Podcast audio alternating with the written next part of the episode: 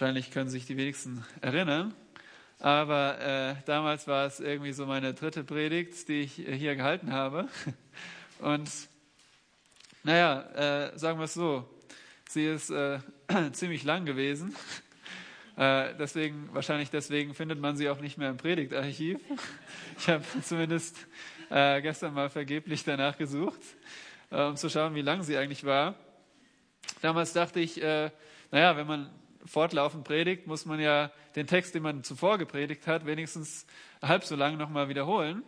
Äh, dementsprechend lang ist dann auch diese Predigt gewesen. Und bei der Durchsicht habe ich dann gemerkt, okay, ähm, da muss ich doch einiges äh, wegstreichen, ein bisschen kürzen.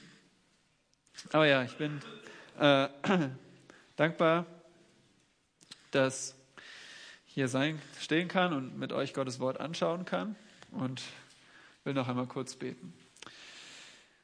Vater im Himmel, danke, dass du der Rettergott bist, dass du, äh, dass der Ruf an alle geht zur Errettung und dass du souverän bist, darin Menschen zu retten und dass du das durch dein Wort tust. Und deswegen vertrauen wir darauf, dass du auch heute Morgen, hier und jetzt oder wer immer diese Worte hört, dass du rettende Gnade zeigen kannst. Und so bitten wir dich, dass du Augen öffnest, dass du Herzen willig machst, dir zu folgen und zu dir zu kommen im aufrichtigen Glauben. Rette du, aber auch ermutige du unsere Herzen, was immer uns beschäftigt. Du hast die Antwort darauf und dieser Text stellt vor uns so eine große Ermutigung. Bitte segne du jetzt das Hören und das Reden. Amen. Dein bestes Leben jetzt. Nun, so lautet der übersetzte Buchtitel äh, des falschen Lehrers Joel Osteen. Er ist Pastor der größten Kirche in den USA. 43.000 und mehr Besucher. Und seit 2007 gibt es ein Buch auch auf Deutsch. Aber hier äh, die Warnung, bitte nicht kaufen. Wenn ihr es hier auf dem Büchertisch findet, dann dürft ihr es gleich konfiszieren. Wie gesagt, das ist ein falscher Lehrer. Ihr werdet dort kein Evangelium oder keine gesunde Lehre finden. Aber auf dem Cover findet man folgende Zusammenfassung zu diesem Buch Lebe jetzt. Zitat Träumen Sie manchmal von einem besseren Leben, von einer glücklicheren Ehe, von einer Aufgabe, die Sie stärker ausfüllt, von tiefer gehenden Beziehungen zu Ihrer Familie und Ihren Freunden? Sind Sie mit der derzeitigen Lebenssituation unzufrieden? Da wird man gleich angesprochen. Ja, denke schon. Und dann dieser Absatz. Doch sie können diesen entmutigenden Kreislauf durchbrechen und das volle Potenzial entfalten, das Gott in sie hineingelegt hat. Joel Osteen zeigt ihnen, wie sie ihr Leben zum Besseren wenden und Erfolg, Freude und Zufriedenheit zu ihren täglichen Begleitern machen. Zögern Sie nicht länger, beginnen Sie noch heute Ihr bestes Leben. Ja, dieses Buch wurde schon fünf Millionen Mal verkauft und äh, es äh, ist wirklich sehr schockierend, dass Leute das, dieses Buch und andere Bücher lesen und denken können, es sei christlich, eine hohe Sicht von sich zu haben. In diesem Buch findet man zum Beispiel die Idee, ja, geh auf die Arbeit und denke, ich bin privilegiert. Leute müssen mir helfen, meine Ziele zu verwirklichen. So soll man denken laut diesem Buch. Oder manche Leute denken vielleicht, es sei christlich, den selbstsüchtigen Erfolg zu suchen. Leute könnten meinen, es sei christlich, das beste Leben jetzt zu haben. Nun, wir fragen uns, was hat Gott wirklich mit seinen Kindern vor? Wozu hat er uns gerettet? Genug von Joel Osteen, lasst uns die Bibel aufschlagen. 1. Petrus Kapitel 1. Und hier sehen wir äh, einen Brief des Apostels Petrus. Er ist ein Apostel Jesu Christi von Gott, äh, von Jesus Christus selbst beauftragt, Er war zuvor ein einfacher Fischer an Galiläa, aber Gott hat in sein Leben eingegriffen und hat ihn gerettet. Petrus hat selbst das Wunder der Errettung erfahren und er hat verstanden, dass Jesus, der Christus, der Sohn Gottes ist. Und er hat ihn verleugnet, aber er wurde wiederhergestellt. Und dann war er ein eifriger Prediger der Auferstehung Jesu Christi und der Rettung in Christus und hat Selbstverfolgung erlebt von seinen Landsleuten. Und hier in diesem Brief in 1. Petrus schreibt er an verfolgte Christen, an solche, die selbst Verfolgung erfahren, und zwar Christen im, Land, im weitläufigen Gebiet von Kleinasien, das ist die heutige Türkei. So denkt an die Türkei, in diesem großen Gebiet lebten die Christen, die verfolgt waren, an die Petrus schreibt. Und er spricht davon, dass sie als Verbrecher verleumdet werden, dass ihre Gegner sie schmähten mit Worten und dass sie außerdem ihren Lebensstil lästerten, obwohl sie das Gute taten. Sie wurden zu Unrecht verleumdet. Und Petrus schreibt diesen Brief, weil er sie liebt und er möchte sie ermutigen, möchte sie ermahnen, weiter ein heiliges Leben zu führen. Und die Frage ist, was ermutigt leidende Christen? Und wenn es Christen in der Verfolgung ermutigt, dann ermutigt es auch uns in unseren kleineren Problemen. Was ermutigt leidende Christen? Der Blick auf ihr Heil in Christus, auf die Errettung. Und Petrus beginnt seinen Brief mit dem Blick auf die Errettung. In diesem Abschnitt bis 1, Vers 12. Aber wir schauen uns heute diese, diese ersten Verse an, 1, Vers 3 bis 5, wo wir den Fokus auf die Zukunft sehen. Ich lese nach der Schlachter 2000 und Gottes Wort sagt in 1. Petrus 1, Vers 3, Gelobt sei der Gott und Vater unseres Herrn Jesus Christus, der uns aufgrund seiner großen Barmherzigkeit wiedergeboren hat, zu einer lebendigen Hoffnung durch die Auferstehung Jesu Christi aus den Toten zu einem unvergänglichen und unbefleckten und unverwelklichen Erbe, das im Himmel aufbewahrt wird für uns, die wir in der Kraft Gottes bewahrt werden durch den Glauben zu dem Heil, das bereit ist, geoffenbart zu werden in der letzten Zeit. Soweit der Text und mir ist aufgefallen, als ich diesen Text erneut studiert habe, dass all unsere Themen von diesem Seminar in diesem Text enthalten sind. Alle fünf Themen sind da drin. Und wie haben wir angefangen? Sam hat uns hat das Seminar eingeleitet mit der Frage, wieso Gott rettet. Wieso rettet Gott? Nun, Gott ist nicht irgendein Gott. Wir sprechen vom Gott der Bibel, von dem lebendigen Gott. Er wird uns hier vorgestellt als der Gott und Vater unseres Herrn Jesus Christus. Gott geoffenbart als der Vater des Herrn Jesus Christus. In Johannes 10 lesen wir, dass der Vater und der Sohn eins sind, eins im Wesen. Sie haben eine Absicht, eine Absicht, Menschen zu retten. Und was tut der Vater bei dieser Errettung? Wir sehen es hier. Unser Text sagt, er hat uns wiedergeboren, aufgrund seiner großen Barmherzigkeit wiedergeboren. Nun wörtlich ist der Vater hier derjenige, der das neue Leben zeugt. Der Vater zeugt das Leben.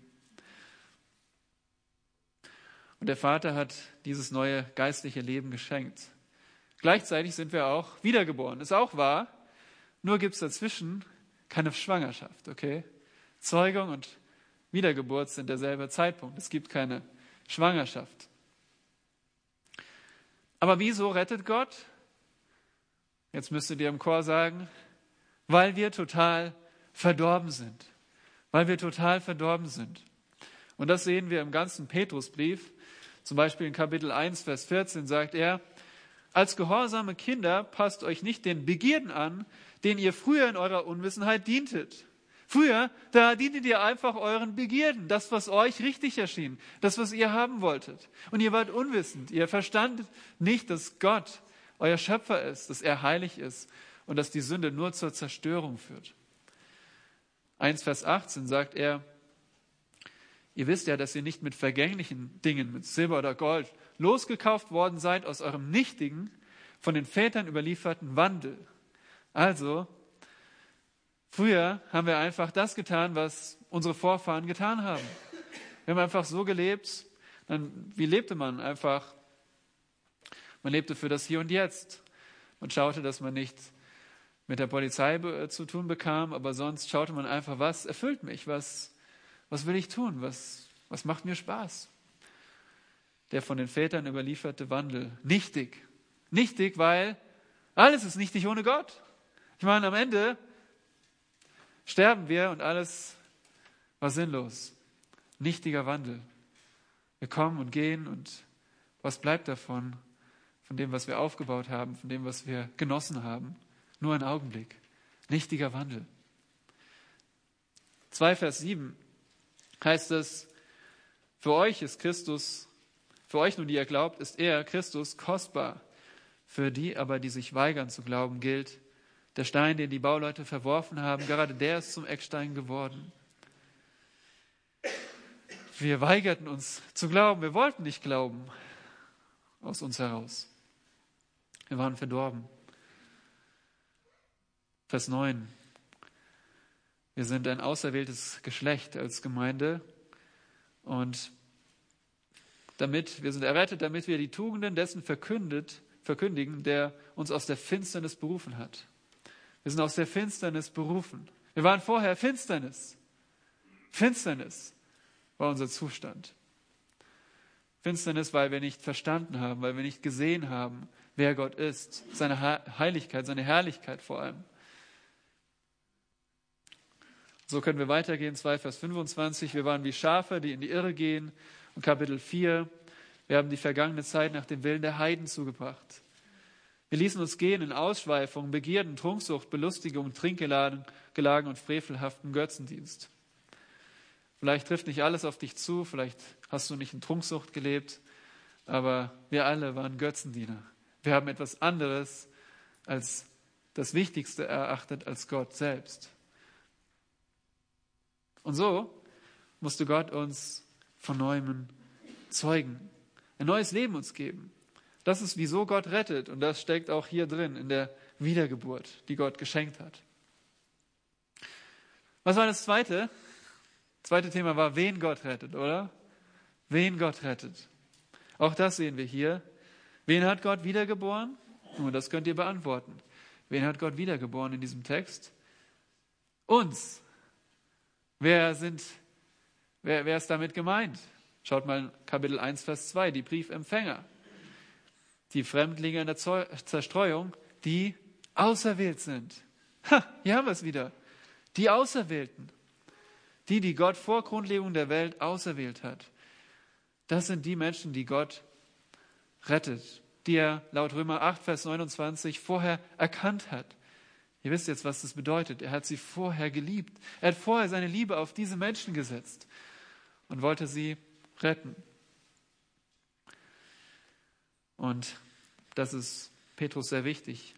Er kennt wohl diese Gläubigen, zu, denen er schreibt. Wir wissen, dass Petrus eine Frau mitnahm, also seine Frau mitnahm, auf seinen Reisen, laut 1. Korinther 9, Vers 5, und dass er auch gereist ist und wohl auch in Kleinasien die Gläubigen kannte. Und er kennt sie und er nennt sie Geliebte. Zum Beispiel in 2 Vers 11, Geliebte. Und er will sie ermutigen mit dieser Lehre der Auserwählung. Gleich am Anfang sagte er, ihr seid auserwählt. Ihr seid die Auserwählten. Äh, nicht ihr seid so toll und deswegen hat Gott euch erwählt, sondern Gott hat einfach seine Liebe auf euch gesetzt. Und das ist was ermutigt, oder? Vielleicht bekommst du noch mehr Briefe als E-Mails. Und wenn du deinen Briefkasten öffnest, was äh, erwärmt dein Herz am meisten oder was macht dich am meisten neugierig?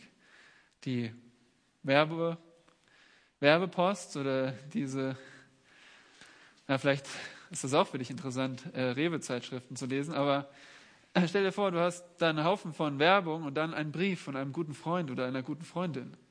Nun, du willst natürlich dahin gezogen sein, diesen Brief zu lesen. Oder wenn du E-Mails bekommst, dann musst, wenn das äh, dir so geht wie mir, musst du erstmal diese Spam-Mails alle löschen, Da schaue ich gar nicht erst nach, was da steht.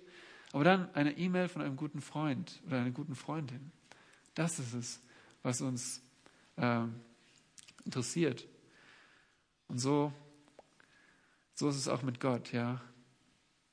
Gott hat nicht einfach uns nach einem Raster ausgewählt, so wie ein Zufallsgenerator E-Mails versendet, Werbe-E-Mails, sondern er hat auserwählt, meint, er hat seine Liebe auf uns gerichtet. Seine Liebe auf uns gerichtet. Das ist diese Ermutigung der Auserwählung. Drittens, warum Gott rettet? Warum? Äh, nee, erst war, womit Gott rettet, genau. Womit Gott rettet.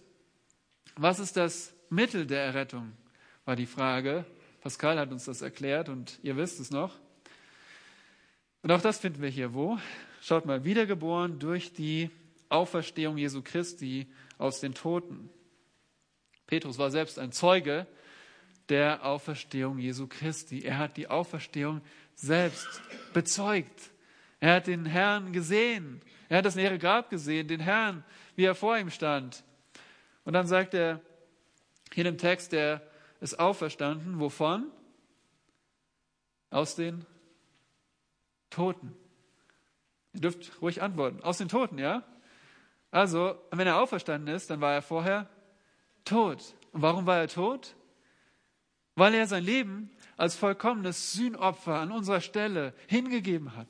Hier haben wir das Mittel der Errettung. Womit rettet Gott uns? Mit dem Mittel des vollkommenen Sühnopfers. Er hat, sein, er hat Gottes Zorn getragen am Kreuz. Die Schuld ist bezahlt. Wir können jetzt neues Leben empfangen.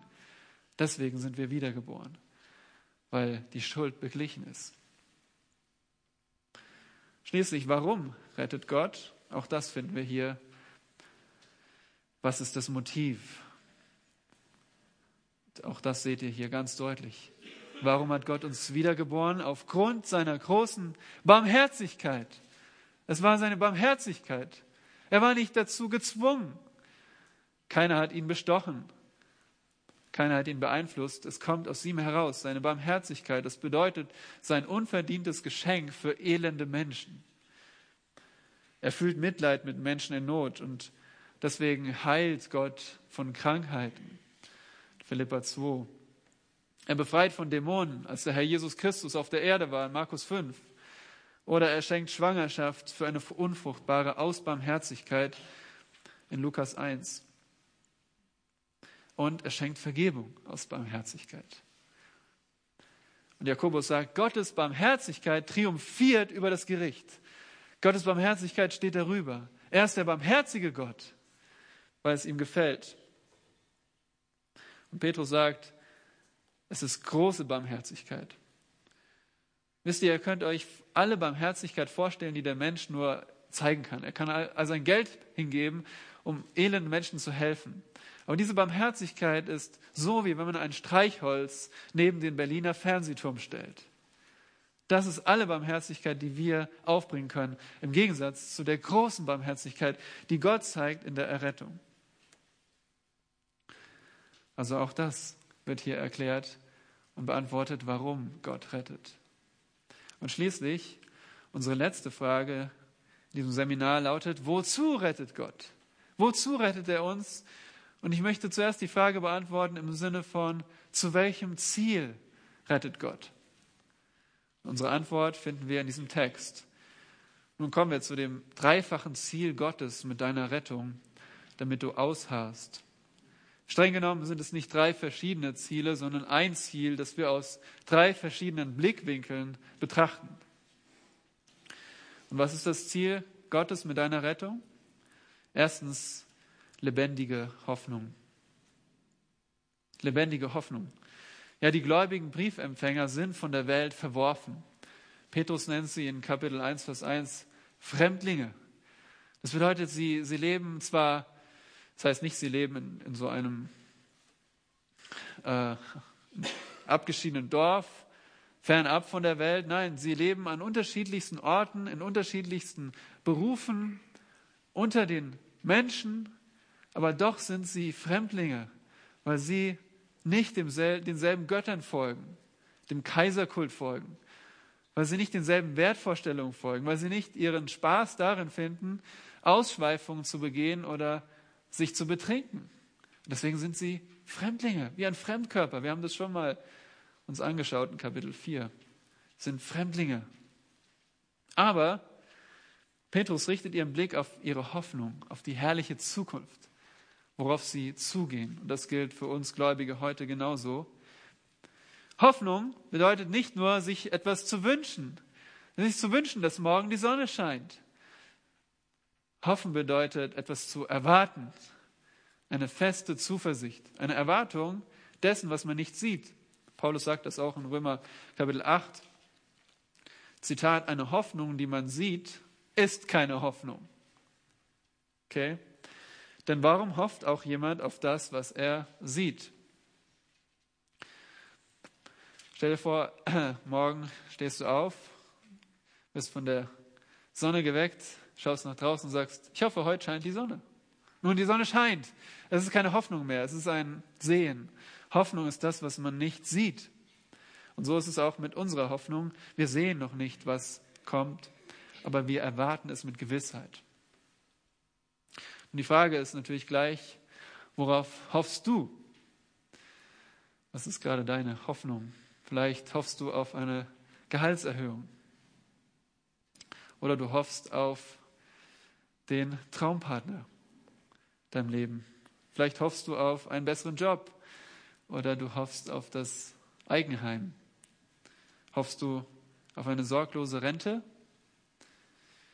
Nun, wenn das deine zentrale Hoffnung ist, dann ist es wie mit diesem morschen Baum, diesem dicken Ast, der abgebrochen ist und dort drüben auf dem Grundstück liegt.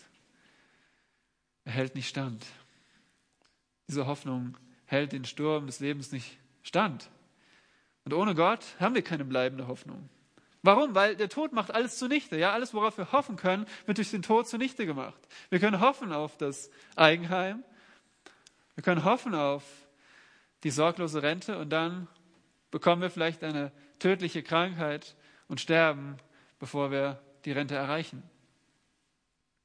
Ja letztens in der S-Bahn und da hört man ja so Gespräche mit und es ist ja, ja interessant einfach zu hören, wie, was die Menschen bewegt. Da waren zwei ältere Frauen, die sich unterhielten und eine hatte mit ihrem Mann ein Boot gekauft, abgekauft von, einem anderen, von einer anderen Witwe. Und diese Witwe war Witwe, weil ihr Mann innerhalb von acht Wochen an Krebs gestorben ist. Dieser Mann hatte sich ein Boot gekauft und wollte damit eine große Nordseetour machen. Hatte alles vorbereitet und dann bekommt er den Krebs und stirbt und kann das Boot nicht nutzen. Die Hoffnung ist zunichte gemacht. Und diese Witwe, so wie ich mitgehört habe, hat äh, es nicht mehr fertiggebracht, einen Fuß in dieses Boot zu setzen. Es war so, so schrecklich für sie. Sie hat einfach das ganze Boot mit allem ganzen Inhalt verkauft. Sie wollte da nichts mehr aussortieren. Und so ist ihre Hoffnung leider zunichte geworden. Die Hoffnung des Mannes. So ist die Hoffnung dieser Welt. Ist einfach vergänglich. Es ist nichts Bleibendes. Aber Gott hat die Welt auf Hoffnung hin unterworfen, sagt Römer 8, Vers 20. Ja, Gott hat die Welt unterworfen der Vergänglichkeit, aber auf Hoffnung hin. Er hat ein Ziel, er hat ein gutes Ziel, worauf er die Welt hinführt. Und davon lesen wir jetzt. Von der Hoffnung auf das ewige Leben. Titus 1, Vers 2 die Hoffnung des ewigen Lebens, dass Gott, der nicht lügen kann, vor ewigen Zeiten verheißen hat. Ja, diese Hoffnung hat er verheißen, mit seinem Wort ein für alle Mal festgelegt. Und Gottes Worte machen unsere Hoffnung unerschütterlich. Das heißt, wenn du jetzt dich fragst, okay, worauf kann ich denn meine Hoffnung setzen? Dann ist die einzige Antwort, der einzige Ort ist das Wort Gottes.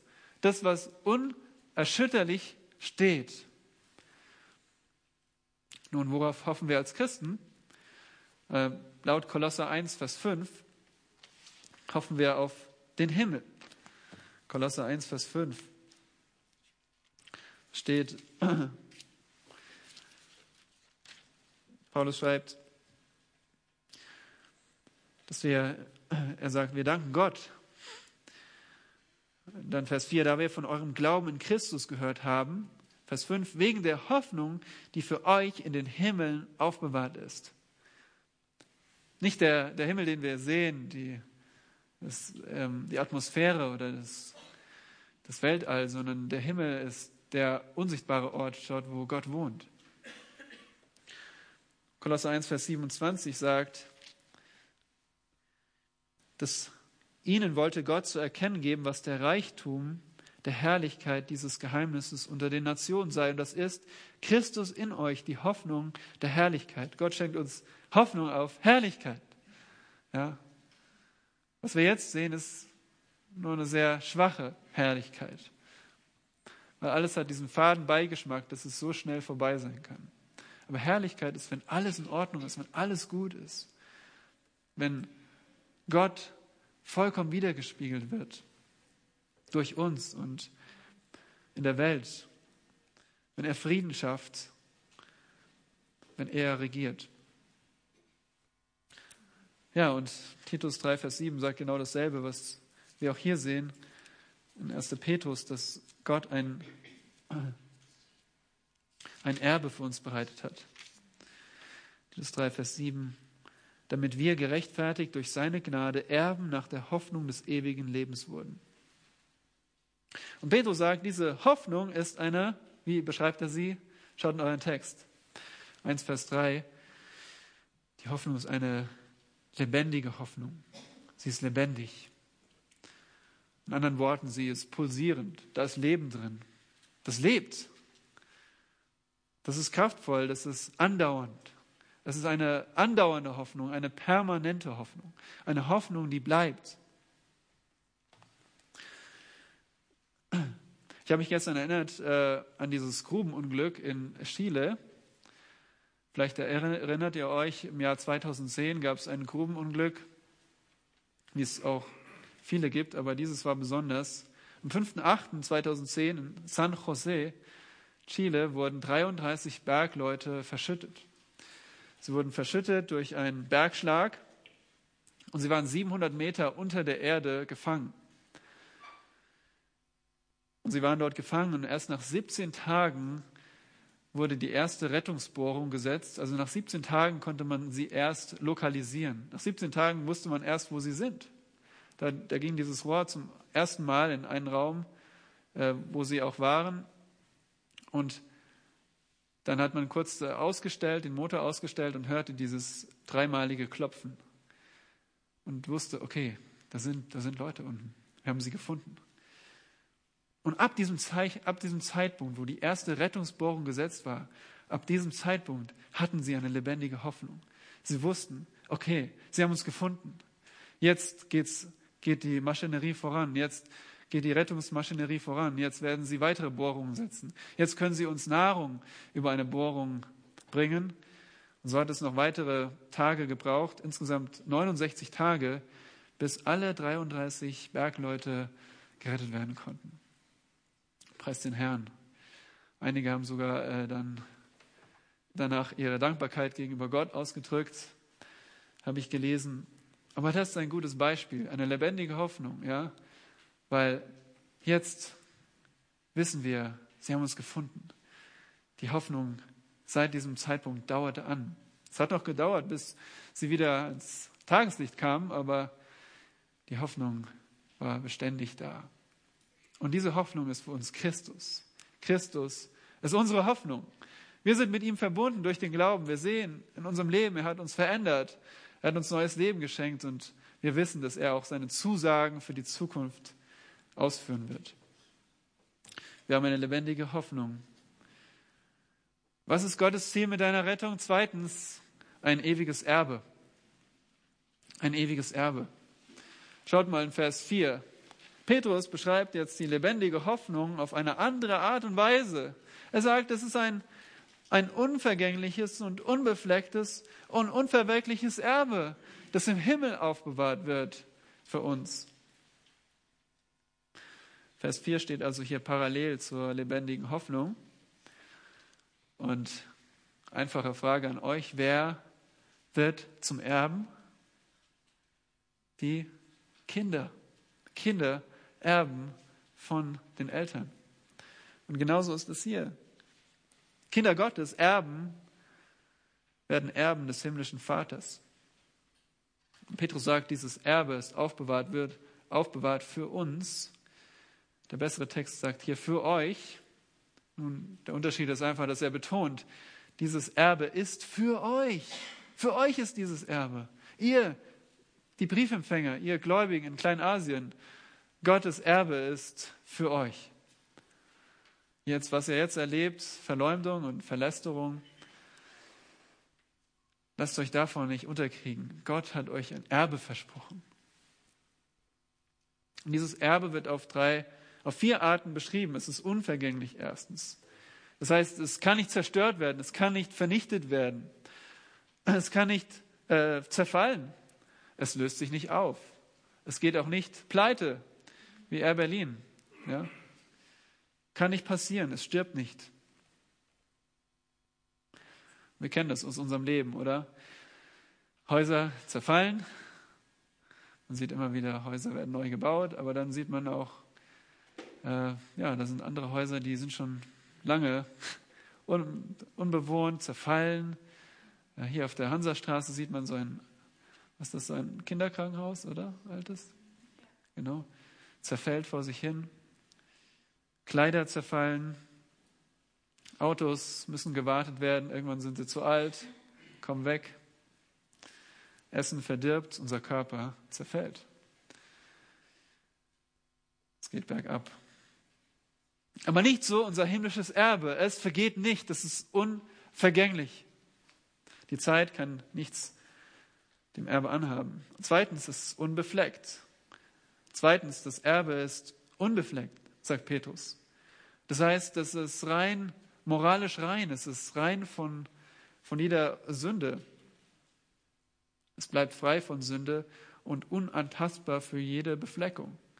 Und die Anwendung für uns ist, dass wir dieses Erbe nicht verlieren können durch Sünde. Was Sam heute Morgen in der Bibelstunde gesagt hat, dass wir als neue Schöpfung nicht sündigen können. Und hier ist ein weiterer Beweis. Unser Erbe ist unbefleckt. Und es ist unmöglich, dass wir es beflecken können. Wir werden nicht sündigen im Himmel. Nie mehr. Versprochen. Amen. Ja, preis den Herrn.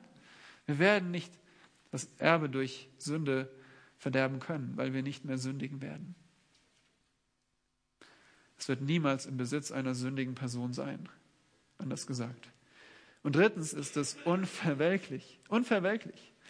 Das heißt, es verliert nie an Schönheit. Ja, Blumen, die du kaufst, die du dir hinstellst, sind am Anfang schön anzusehen, aber irgendwann sind sie verwelkt. Sie kommen weg. Sie landen im Müll. Aber nicht so unser Erbe. Es ist unverwelklich. In dem bekannten Lied heißt es, schön sind die Blumen, schöner sind die Menschen in der frischen Jugendzeit. Sie müssen sterben, müssen verderben. Doch Jesus lebt in Ewigkeit. Und so müssen wir verderben, aber unser Erbe nicht. Unser Erbe wird niemals die Anziehungskraft oder den Reiz verlieren. Es wird niemals, in anderen Worten, es wird niemals langweilig sein im Himmel. Ja, wenn man jetzt sagt, okay, ist das nicht irgendwann langweilig im Himmel? Nein, hier garantiert nicht. Das ist unverwelklich. Es verliert nie den Reiz. In anderen Worten, wenn es unvergänglich ist und unverwelklich ist und unbefleckt ist, ist es absolut unzerstörbar. Dieses Erbe ist absolut unzerstörbar. Und viertens, es wird im Himmel bewahrt, sagt Petrus. Es wird im Himmel aufbewahrt, wird für euch. Und Gott ist hier der Handelnde. Er bewahrt es. Der Himmel ist Gottes Thron, Hebräer 8, Vers 1. Und Gott wohnt im Himmel. Matthäus 6. Unser Vater, der du bist im Himmel. Unser Vater im Himmel. Gott wohnt im Himmel. Und das Erbe ist sozusagen unter seiner Obhut. Er bewahrt es. Es ist wie mit einem Schatz, der im Tresor bewahrt wird. Nun, warum können wir jetzt unser Erbe nicht jetzt schon bekommen? Ja, wie der verlorene Sohn, der sagt, gib mir mein Erbe jetzt, ich will es jetzt haben. Ich will es hier haben. 1. Korinther Kapitel 15 sagt uns folgendes in Vers 50. Dies aber sage ich, Brüder, dass Fleisch und Blut das Reich Gottes nicht erben können.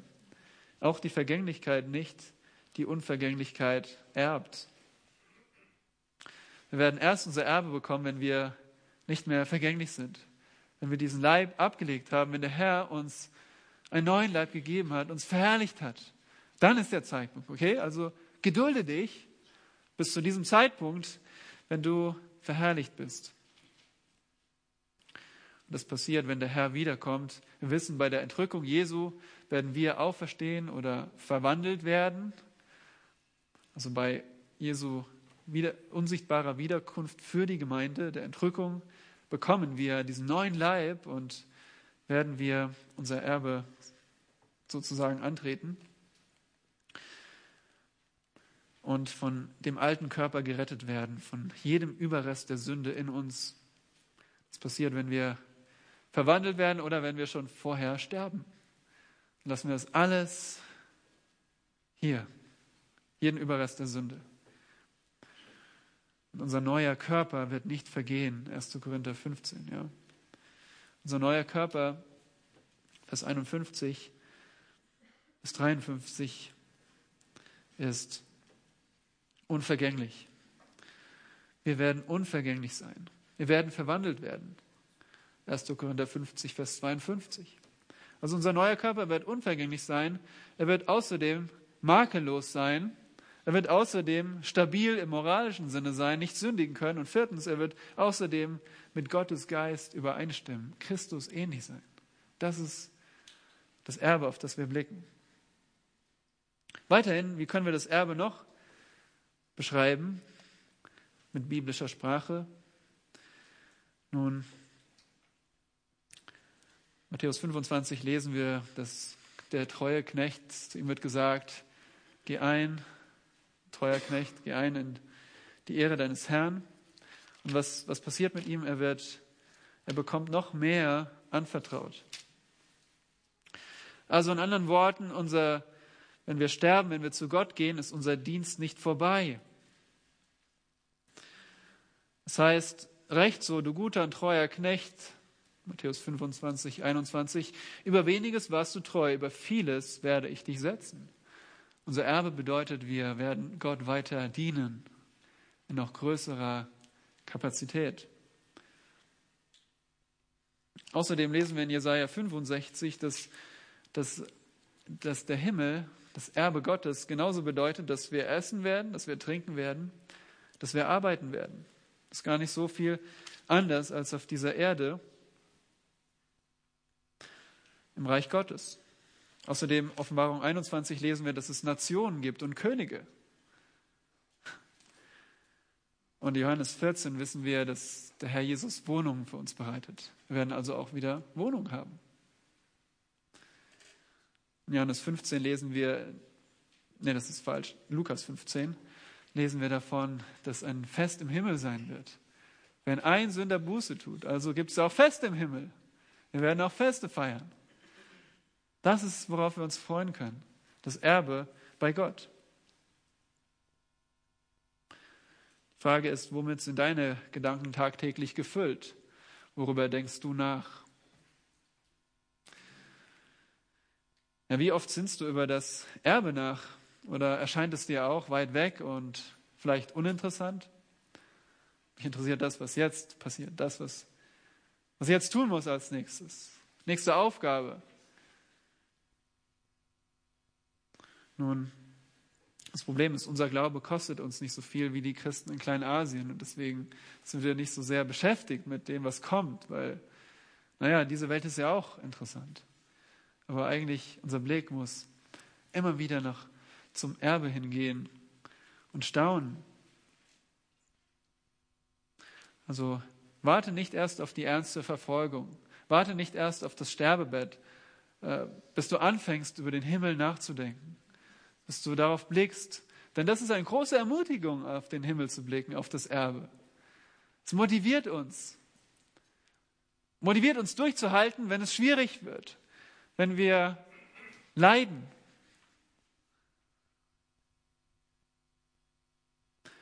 Und das ist das Ziel Gottes mit unserer Errettung, dass wir ein Erbe bekommen. Das zeigt, dass Gott wirklich gut ist, oder? Dass er ein gütiger Gott ist. Was ist Gottes Ziel mit deiner Rettung? Drittens, ein sicheres Heil. Gott selbst bewahrt das ewige Erbe, aber das sicherste Erbe nützt gar nichts, wenn der Erbe selbst, der es antreten soll, nicht ankommt, wenn er es nicht erreicht. In anderen Worten, wenn der Notar dieses Testament hat und es überreichen, dem Erben überreichen will, du erbst die fünf Millionen deines Vaters. Auf dem Weg hat der Erbe einen Autounfall, stirbt und kann es nie antreten. Nun, woher wissen wir, dass wir das Erbe auch antreten werden? Wer bewahrt uns auf dem Weg? Äh, wie sicher ist es, dass sich dein und mein Glaube bewährt? Und darum Vers 5, das sichere Heil. Wer bewahrt das Erbe? Gott allein. Wer bewahrt den Erben? Gott allein. Das sagt der Text. Hier steht, die wir in der Kraft Gottes bewahrt werden. Wir werden bewahrt. Wir als Gläubige werden bewahrt. Gott bewahrt durch seine allmächtige Kraft, so wie ein Militäroberst seine, eine Stadt vor Angriffen bewahrt, aber auch davor bewahrt, dass keiner flieht. Niemand kann die Gläubigen den Glauben nehmen. Und echte Gläubige werden ebenso wenig den Glauben verleugnen und von Gott fliehen. Und die Frage ist, durch welches Mittel bewahrt Gott? Hier steht es. Schaut mal. Sie werden bewahrt durch den Glauben. Wie wird unser Glaube bewahrt? Indem wir einfach weiter glauben, indem wir weiter, einfach weitergehen, einfach weiter auf Gott vertrauen, einfach weiter vertrauen. Gott hat es gesagt, ich vertraue. Ich verstehe was nicht, ich vertraue trotzdem. Ich gehe weiter. Ich vertraue Gott.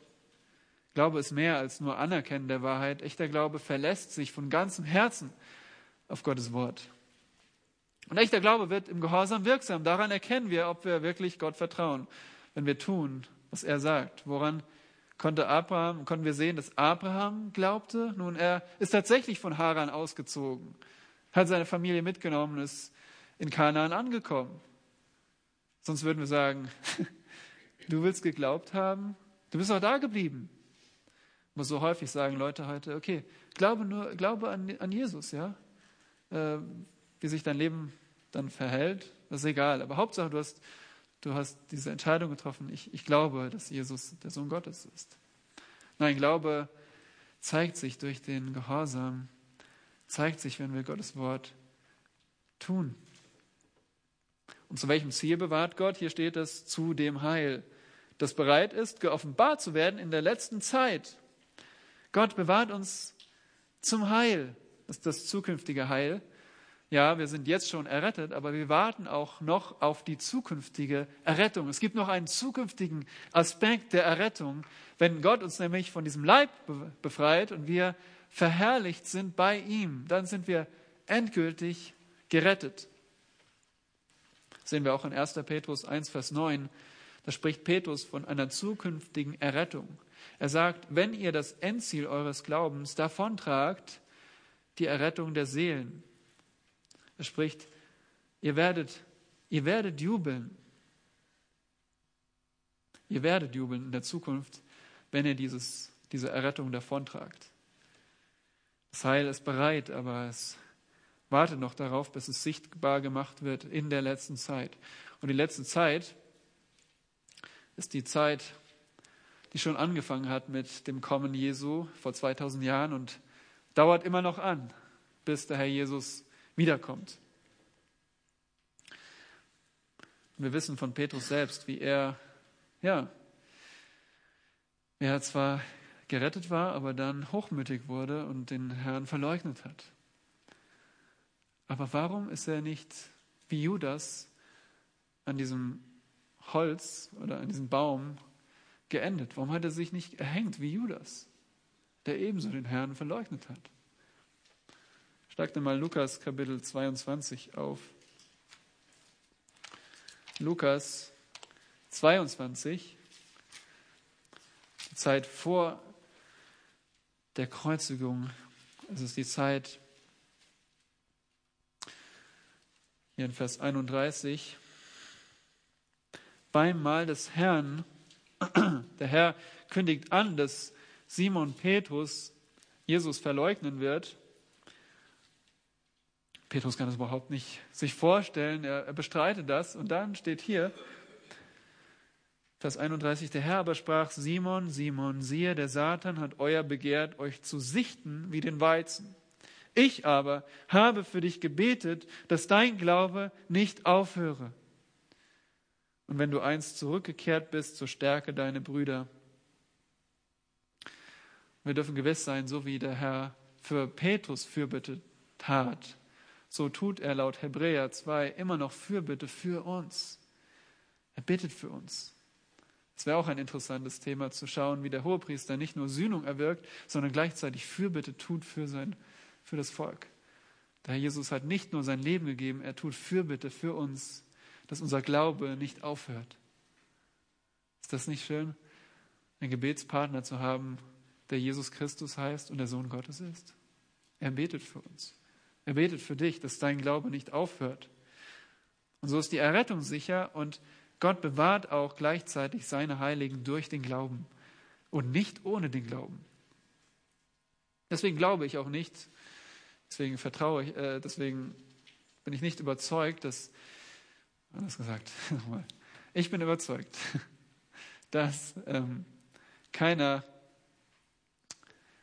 ja, zu äh, Gott in die Herrlichkeit kommt, der den Glauben verleugnet und sagt, ich glaube das alles nicht mehr und stirbt. Nein, Gott bewahrt seine Heiligen durch den Glauben. Sie schleppen sich nicht in den Himmel und sie leben auch nicht in Unzucht, Ehebruch, Götzendienst, Habsucht oder Trunkenheit. 1. Korinther 6, Vers 9. Es kennzeichnet nicht ein echtes Kind Gottes.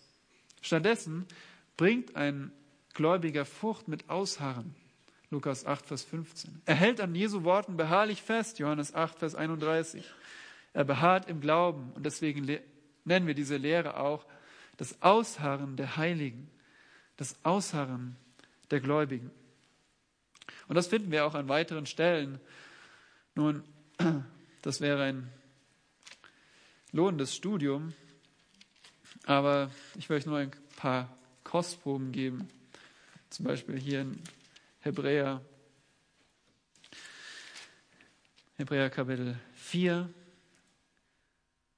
da wir nun einen großen Hohepriester haben, der durch die Himmel gegangen ist, Jesus, den Sohn Gottes, so lasst uns das Bekenntnis festhalten. Der Autor ruft hier die echten Gläubigen auf, die an Jesus glauben, das Bekenntnis festzuhalten. Er sagt nicht, nun, Hauptsache, ihr habt diese Entscheidung getroffen, alles wird gut. Nein, er sagt, haltet daran fest. Ja, das ist eure Verantwortung. Oder auch in Kapitel 10 lesen wir das. Spricht er davon, Vers 35, werft nun eure Zuversicht nicht weg, die eine große Belohnung hat, denn Aussagen habt ihr nötig, damit ihr, nachdem ihr den Willen Gottes getan habt, die Verheißung davontragt. Ja, Aussagen habt ihr nötig. Dann werdet ihr auch die Verheißung davontragen. Vers 39 sagt er, wir, schließt sich mit allen Gläubigen ein. Wir aber sind nicht von denen, die zurückweichen zum Verderben, sondern von denen, die glauben zur Gewinnung des Lebens. Wir kennen auch Jakobus, wo es heißt, Kapitel 1, Haltet es für lauter Freude, meine Brüder, wenn ihr in mancherlei Versuchung geratet, indem ihr erkennt, dass die Bewährung eures Glaubens Ausharren bewirkt. Das Ausharren aber soll ein vollkommenes Werk haben, damit ihr vollkommen und vollendet seid und in nichts Mangel habt. Schließlich noch äh, 2. Petrus kommt es auch vor, 2. Petrus Kapitel 1. Da schreibt er davon, dass jeder Gläubige der ähm, göttlichen Natur teilhaftig geworden ist. Und wie wird es deutlich? Nun, Eben deshalb, Vers 5, wendet aber auch allen Fleiß und allen Fleiß auf und reicht in eurem Glauben die Tugend dar, in der Tugend die Erkenntnis, in der Erkenntnis aber die Enthaltsamkeit, in der Enthaltsamkeit aber das Aussagen, in dem Aussagen aber die Gottseligkeit, in der Gottseligkeit aber die Bruderliebe, in der Bruderliebe aber die Liebe. Alles Dinge, zu denen wir, denen wir aufgefordert werden. Äh, nicht wie eine, ich bin überzeugt, nicht wie so eine Stufe, also erst das, dann das, dann das, dann das, sondern wie eine Salatschüssel. Das ist alles irgendwie enthalten, alles zur gleichen Zeit sollen wir diese Dinge tun. Und dann sagt der Vers 8, denn wenn diese Dinge bei euch vorhanden sind und zunehmen lassen und zunehmen, okay, also stopp kurz, also wenn wir diese Dinge in unserem Leben sehen, dass wir, dass diese Dinge, dass wir das tun und dass wir das aus ganzem Herzen tun, dass die vorhanden sind, also äh, ich bin enthaltsam und ich werde auch immer mehr enthaltsam, ich bin liebevoll und ich nehme zu an Liebe. Wenn das so ist, dann lassen Sie euch im Hinblick auf die Erkenntnis unseres Herrn Jesus Christus nicht träge und nicht fruchtleer sein.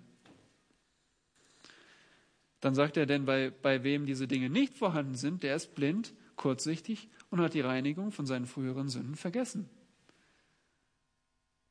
Und ich denke, er spricht hier von einem Gläubigen, bin ich überzeugt. Jemand, der äh, den Fokus verloren hat für eine, Zeit, für eine Zeit lang. Und auf einmal, ja, ist der, ist der kurzsichtig. Und das hat Auswirkungen auf, auf dein Leben als Christ. Zweifel kommen auf oder es wird schwierig. Und dann sagt er, darum, Brüder, befleißigt euch umso mehr, eure Berufung und Erwählung festzumachen. Kehre wieder zurück zu diesen Dingen. Denn wenn ihr diese Dinge tut, werdet ihr niemals straucheln. Daher kommt auch die Gewissheit, wenn wir das tun, was, was Gott uns aufträgt. Wenn wir diesen, diesem Charakter voranschreiten, dann werden wir auch immer gewisser werden, dass wir errettet sind. Wenn wir es nicht tun, dann werden wir blind, kurzsichtig, straucheln wir. Das gibt es, ja. Ein Beispiel ist Thomas Cranmer. Falls sich vielleicht Robert wieder jemand aus England, ein Erzbischof, der Erzbischof von Canterbury im 16. Jahrhundert. Er führte protestantische Reformen ein in England in der Zeit von Heinrich dem Achten. Und dann wurde er aber inhaftiert unter Bloody Mary, Mary Tudor die die Protestanten verfolgte und verhaften ließ. Thomas Cranmer war einer von denen, weil er an den protestantischen Lehren festhielt. Und dann geschah es, als er ja angedroht, als ihm angedroht wurde, dass er hingerichtet würde, dann widerrief er seine Lehren. Und er unterzeichnete ein Blatt, das er den Papst als das Oberhaupt der Kirche anerkennt. Er ist zurückgewichen von seinem Bekenntnis. Aber dann wurde er auf einmal nicht frei, sondern da haben sie gesagt, na, wir verbrennen dich jetzt trotzdem, du wirst trotzdem hingerichtet. Und es kommt der Tag, wo er hingerichtet wird und er soll noch einmal vor allen bekennen, dass er der katholischen Kirche angehört und protestantischer Lehre nicht glaubt. Und was tut er? Er stellt sich hin und sagt, ich habe einen Fehler gemacht. Ich will Buße tun. Ich glaube nicht an die katholische Kirche. Ich glaube an das Evangelium, ich glaube an die Bibel. Und er wird verbrannt und er hält zuerst seine rechte Hand in das Feuer, bis sie abgebrannt ist und sagt, äh, diese Hand hat beleidigt, diese Hand soll zuerst verbrennen. Und so sehen wir in diesem Beispiel einen Mann, der ja sein, sein Glauben verleugnet hat in gewisser Weise, aber dann wieder umgekehrt ist. So etwas gibt es auch. Darum lasst uns nicht kurzsichtig sein und sagen, oh, der hat jetzt gesündigt, der ist bestimmt nicht gläubig. Nein, wir können kurzsichtig sein für eine Zeit lang, vergessen, dass wir gereinigt sind und am Ende bewahrt Gott aber den Glauben bis zum Ziel.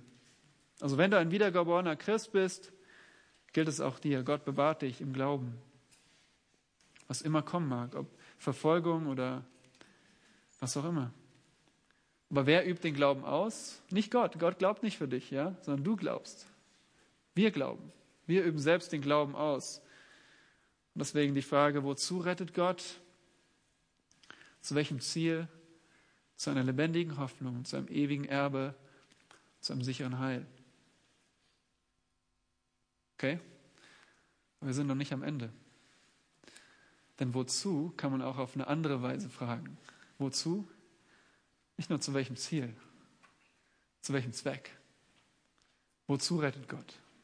Wozu macht er das? Wozu erschafft er sich eine Welt? Wozu überlässt er sie dem Sündenfall und rettet einige heraus? Wozu macht er das? Eine Absicht, seine eigene Ehre. Wir kommen zurück zu dem Beginn unseres Textes. Wie fängt er an? Gelobt sei der Gott und Vater unseres Herrn Jesus Christus. Er soll gelobt sein. Lob ist die logische Antwort für ihn als Rettergott. Ja, im Juli gab es eine Zeitungsmeldung über die Rettung von einem Mann, John Ogburn, war 36 Jahre alt und ist im US-Bundesstaat North Carolina, hat am Laptop gesessen, auf einmal umgefallen, Herzstillstand. Zwei Polizisten und eine weitere Frau haben eingegriffen und haben ihn wiederbelebt. Und zwar nicht nur die vorgeschriebenen 20 Minuten, sondern 42 Minuten lang wiederbelebt. Und am Ende wurde sein Leben gerettet. Nachdem er wieder laufen konnte und ja, ein paar Herzschrittmacher hat, Druckspuren, trifft er diese Retter und die ganze Familie kommt und sie danken diesen Rettern, die durchgehalten haben, die sein Leben gerettet haben. Er sagt, ich bin so dankbar für das, was sie gemacht haben. Wie viel mehr gebührt Gott das Lob für seine Rettung? Wie viel mehr gebührt ihm der Dank für, für die Rettung? Und Gott sucht diese Ehre, die aus unserem Lobpreis kommt. Das haben wir ja gestern schon gesehen in Epheser 1, ja, wozu Gott errettet zum Lob der Ehre, zum Lobpreis der Herrlichkeit seiner Gnade. In Epheser 1, Vers 6, zum Preise der Herrlichkeit seiner Gnade, Vers 12, zum Preise seiner Herrlichkeit, Vers 14, zum Preise seiner Herrlichkeit, damit er gepriesen wird. Also seine Ehre gepriesen, aber zweitens auch seine Ehre dargestellt. Gott will seine Ehre darstellen in der Errettung. Das ist der Zweck der Errettung. Schaut mal dazu in Johannes 5, Vers 20. Johannes 5, als der Jesus den Juden erklärt, immer wieder erklärt, dass er und der Vater eins sind, dass Gott sein Vater ist und er sagt in Vers 20, denn der Vater hat den Sohn lieb und zeigt ihm alles, was er selbst tut. Und er wird ihm größere Werke als diese zeigen, damit ihr euch wundert. Der Vater hat den Sohn lieb. Gott liebt nicht nur uns Menschen. Gott ist ein dreieiniger Gott, der schon vor Grundlegung der Welt einfach einander geliebt hat ist schwer für uns auszudrücken. Es ist ein Gott, drei Personen. Der Vater liebt den Sohn. Der Sohn liebt den Vater. Und in der Rettung steht nicht die Liebe zu Menschen im Zentrum, nicht die Liebe zu Sündern, sondern die Liebe Gottes zu sich selbst. In Johannes 6, Vers 37 lesen wir, alles, was mir der Vater gibt, wird zu mir kommen. Und wer zu mir kommt, den werde ich nicht hinausstoßen. Denn ich bin vom Himmel herabgekommen, nicht, dass ich meinen Willen tue, sondern den Willen dessen, der mich gesandt hat. Dies aber ist der Wille des, dessen, der mich gesandt hat, dass ich von allem, was er mir gegeben hat, nichts verliere, sondern es auferwecke am letzten Tag. In anderen Worten, die Gläubigen sind Gottes Liebesgeschenk an seinen Sohn. Gott hat die Gläubigen ein, wir sind ein Geschenk. Wir sind nicht das Ziel der Liebe, sondern wir sind ein Geschenk, ein Mittel, um die der Vater gebraucht, ähm, um seinen Sohn zu lieben. Johannes 17, Vers 2, 4 und 6. Nochmal. Er spricht davon, wie du ihm Vollmacht gegeben hast, dem Sohn, über alles Fleisch, dass er allen, die du ihm gegeben hast, ewiges Leben gebe. Vers 4. Ich habe dich verherrlicht auf der Erde. Das Werk habe ich vollendet, vollbracht, das du mir gegeben hast, dass ich es tun soll. Ich habe deinen Namen den Menschen offenbart, Vers 6, die du mir aus der Welt gegeben hast. Dein waren sie und mir hast du sie gegeben. Der Vater liebt den Sohn und schenkt ihm die Gläubigen. Liebe macht Geschenke, oder? Liebe macht Geschenke. Wenn du jemanden liebst, dann schenkst du. So auch der Vater. Und dann der Gipfel. Am Ende in 1. Korinther 15 lesen wir von der Zukunft. Wir lesen davon, dass Christus ist der Erstling aus den Toten und er wird wiederkommen, sein Reich aufrichten und dann Vers 24 in 1. Korinther 15, dann das Ende, wenn er, das ist Christus, das Reich dem Gott und Vater übergibt. Wenn er alle Herrschaft und alle Gewalt und, und Macht weggetan hat. Liebe macht Geschenke. Christus gibt am Ende die ganze Welt Gott zurück. Vers 28. Wenn ihm aber alles unterworfen ist, dann wird auch der Sohn selbst dem unterworfen sein, der ihm alles unterworfen hat, damit Gott alles in allem sein sei. Der Sohn geht ans Kreuz, eine Menschheit zu erlösen, um sie am Ende dem Vater zurückzuschenken. Wir sind gar nicht, wir sind gar nicht die Hauptrollen auf der Bühne hier. Gott ist es. Gott erlöst eine Menschheit aus Liebe zu sich selbst. Und das ist nicht Selbstsucht, denn Gott ist der vollkommene Gott. Ihm gebührt alle Ehre. Und er bekommt alle Ehre, auch in der Errettung. Was lernen wir daraus? Nun, entweder du kennst Gott noch nicht, dann kehr heute von deiner Sünde um zu ihm. Er ist ein Rettergott. Glaubst du an Jesus Christus, der als gerechter Sohn Gottes am Kreuz von Golgatha gestorben ist? für Sünder? Glaubst du an die Auferstehung Jesu Christi aus den Toten? Es gibt keine andere Grundlage, auf der du gerettet werden kannst, als diese. Ist er dein Meister und Herr, dem du gehorchst? Diese Fragen entscheiden über dein ewiges Schicksal. Und dann für uns als Gläubige ist mir einfach diese sehr einfache Anwendung eingefallen. Nun, unser bestes Leben ist nicht jetzt. So einfach. Das ist die Anwendung für uns. Wozu hat Gott uns gerettet? Nicht für unser bestes Leben jetzt, für unser bestes Leben in der Zukunft. Dein Leben läuft nicht so, wie, du es dir vorstellst. Das ist okay. Alles scheint nur suboptimal. Es ist okay. Du erlebst Schwierigkeiten, du erlebst Stress, du erlebst Leiden. Das ist okay. Dein Erbe wird nicht angetastet. Gott hat dich für eine herrliche Zukunft errettet. Nicht für eine Herrlichkeit jetzt in derselben Weise. Alles Gute, was wir jetzt schon erleben, ja, wir erleben viel Gutes, ist zusätzliche Gnade. Aber unser bestes Leben kommt noch. Und darum vertraue Gott, harre aus, blicke nach vorne. Das Beste kommt noch. Amen. Lass uns beten.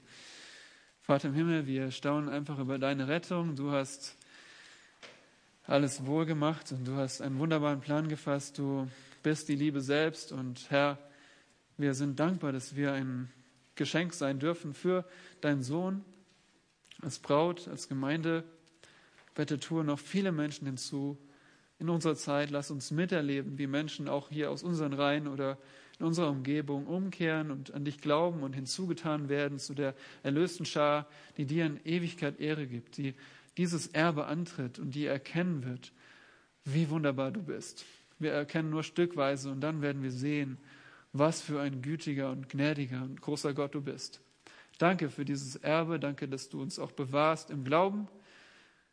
Wenn heute jemand hier ist, der zweifelt, der einfach die Reinigung seiner Sünden vergessen hat und strauchelt, so führe ihn zurück. Dazu völlig und ganz deinem Wort zu vertrauen und mit Gewissheit voranzugehen, dass du derjenige bist, der bewahrst. Dir sei die Ehre. Amen.